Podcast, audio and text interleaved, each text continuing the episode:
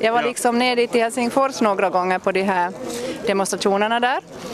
Och eh, sen slängde någon i luften för en vecka sedan en sån här idé att vi skulle göra sådana här stöddemonstrationer då på olika, eller inte stöddemonstrationer, men stödevenemang på olika ställen i, i Finland. Så då drog vi hastigt och lustigt ihop en sån här grej, liksom ett stödevenemang här i Vasa. Det är jättekul att det har kommit folk, jag visste Jo. inte alls hur det skulle bli, jag har aldrig ordnat som sånt här förut. Ja. Stödevenemang för demonstrationerna mot Finlands rådande asylpolitik. Vad säger du Kerstin, vad, vad är problemet med asylpolitiken? Oj. Ja, vi, vi, te- vi försöker sådär att vi ska egentligen inte vara mot någon utan vi är, för, vi är just för bättre asylpolitik. Uh, jag känner de här irakierna väldigt bra. Jag har som i min nära krets irakier och, och vet vad de går igenom, vet deras historier och har också varit med och försöka förhindra liksom, tvångsdeportationer. Att jag, jag ser liksom vad som pågår här i det här landet. Att jag, äh, de ehm, har sådana historier och sådana öden från Irak att de skulle måste nog få stanna här.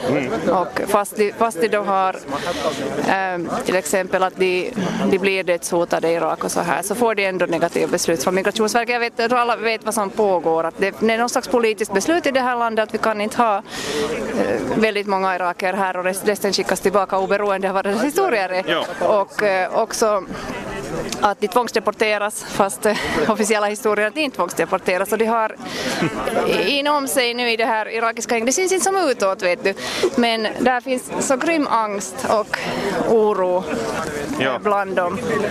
Och eh, det är där- därför vi är, vi är här, just att lyfta upp det här som till medvetande, att finländare ska veta vad som, vad som händer och vad som pågår. Att vi inte bara ska stänga ögon och öron när det här sveper förbi en, i nyhetsflödet. Nej, för mig personligen känns det så här att för två år sedan så hade jag vanligt liv, vet du. Och så lärde jag känna det här bara som kompisar. Och nu plötsligt känns det att nu lever jag i Nazityskland. Att mina närmaste, vet du, skickas till döden, deporteras. Jag har varit i polisstationen och försökt, vet du, det är brutala grejer som händer där och jag kan inte tro att sånt här händer i Finland. Det är helt chockerande, så därför är det så många som stiger fram nu, förstås för våra vänner men också att många finländare stiger fram för det är liksom mänskliga rättigheter, att så här kan man inte behandla människor. Ja. Enkelt. de, som utför de här handlingarna som du sa, de säger väl att de lyder sina order vet du, slaviskt. Det är det här som jag skulle efterlysa lite civilkurage. Att jag tycker att om liksom chefen säger att gör sådana här beslut nu att den här människan dör så har inte man rätt att säga nej.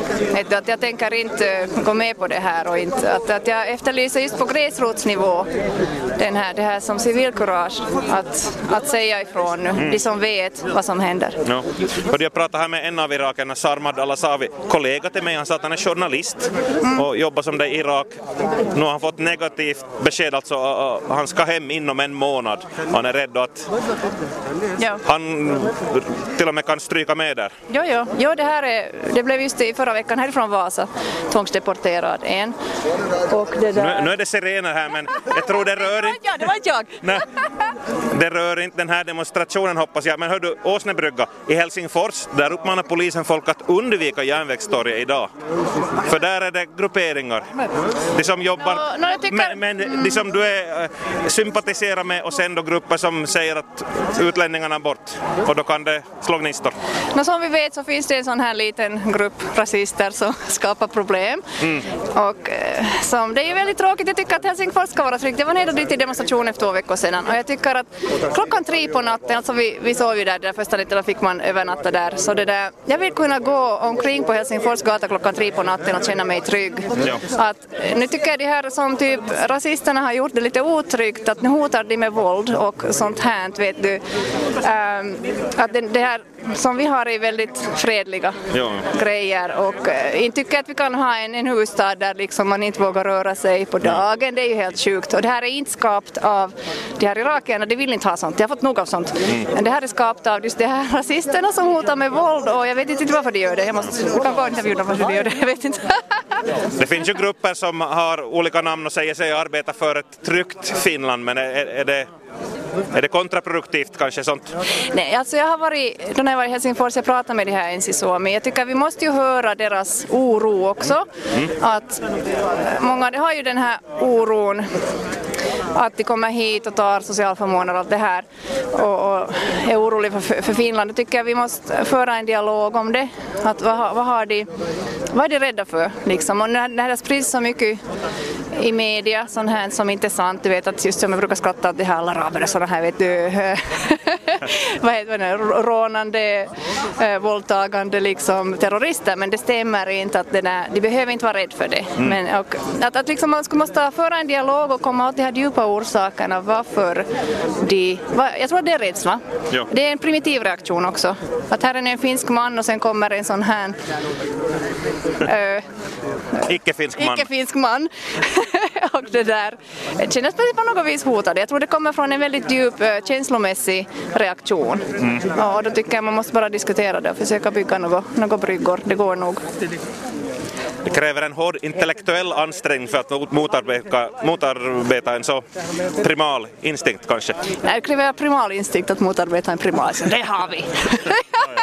Förlåt. Men, det... men ja. Eh, ska runda av här Kerstin Ögård, ska det bli något tal här eller vad ska det bli? Än? Jo, jo, det ska bli. Jag, jag borde ha tal, här är nog för mycket människor, inte vågar jag prata här. Nej, vi ska se. Men, men ja, spontant får folk säga och det där. Det här är någonting som vi gör allihopa tillsammans. Så här får vem som helst eh, som vill får ha ordet och, mm. och det där. Mm. Ja. En sista fråga kring det här som du sa, att man, man läser i media och det delas och så vidare. Det är väl kanske så att de som skriker högst så de hörs bäst men det behöver nödvändigtvis inte vara så många de här skrikarna. Så hur är, hur är finländarna i gemen, tror du? Eller tror du dig veta? Så det, när det gäller att känna empati och sträcka ut en hand till folk som har det svårt?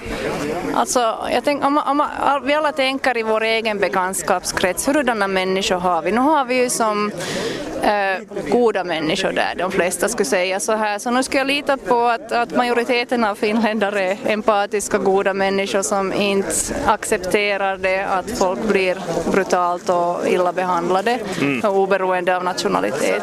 Så det finns ju, det är just eh, en, en liten grupp som skriker och nu ska det också tas på allvar att vad, vad är orsaken där? Det, jag har pratat med, med många rasister också, till exempel vissa har dåliga erfarenheter av araber och då sitter det djupt det här och då måste man på något vis leka det och, och också förstås Finland, när vi har varit så stängt, inte vi vana. Jag förstår den här chockreaktionen som till exempel i regeringen fick att eh, när, när det kommer 30 000, vet du det, vi måste bara på något vis inte, inte blockera det här, vi måste förstå orsakerna också till folks rädsla, till folks liksom, äh, ja varför, varför de inte vill ha de här och allt det här.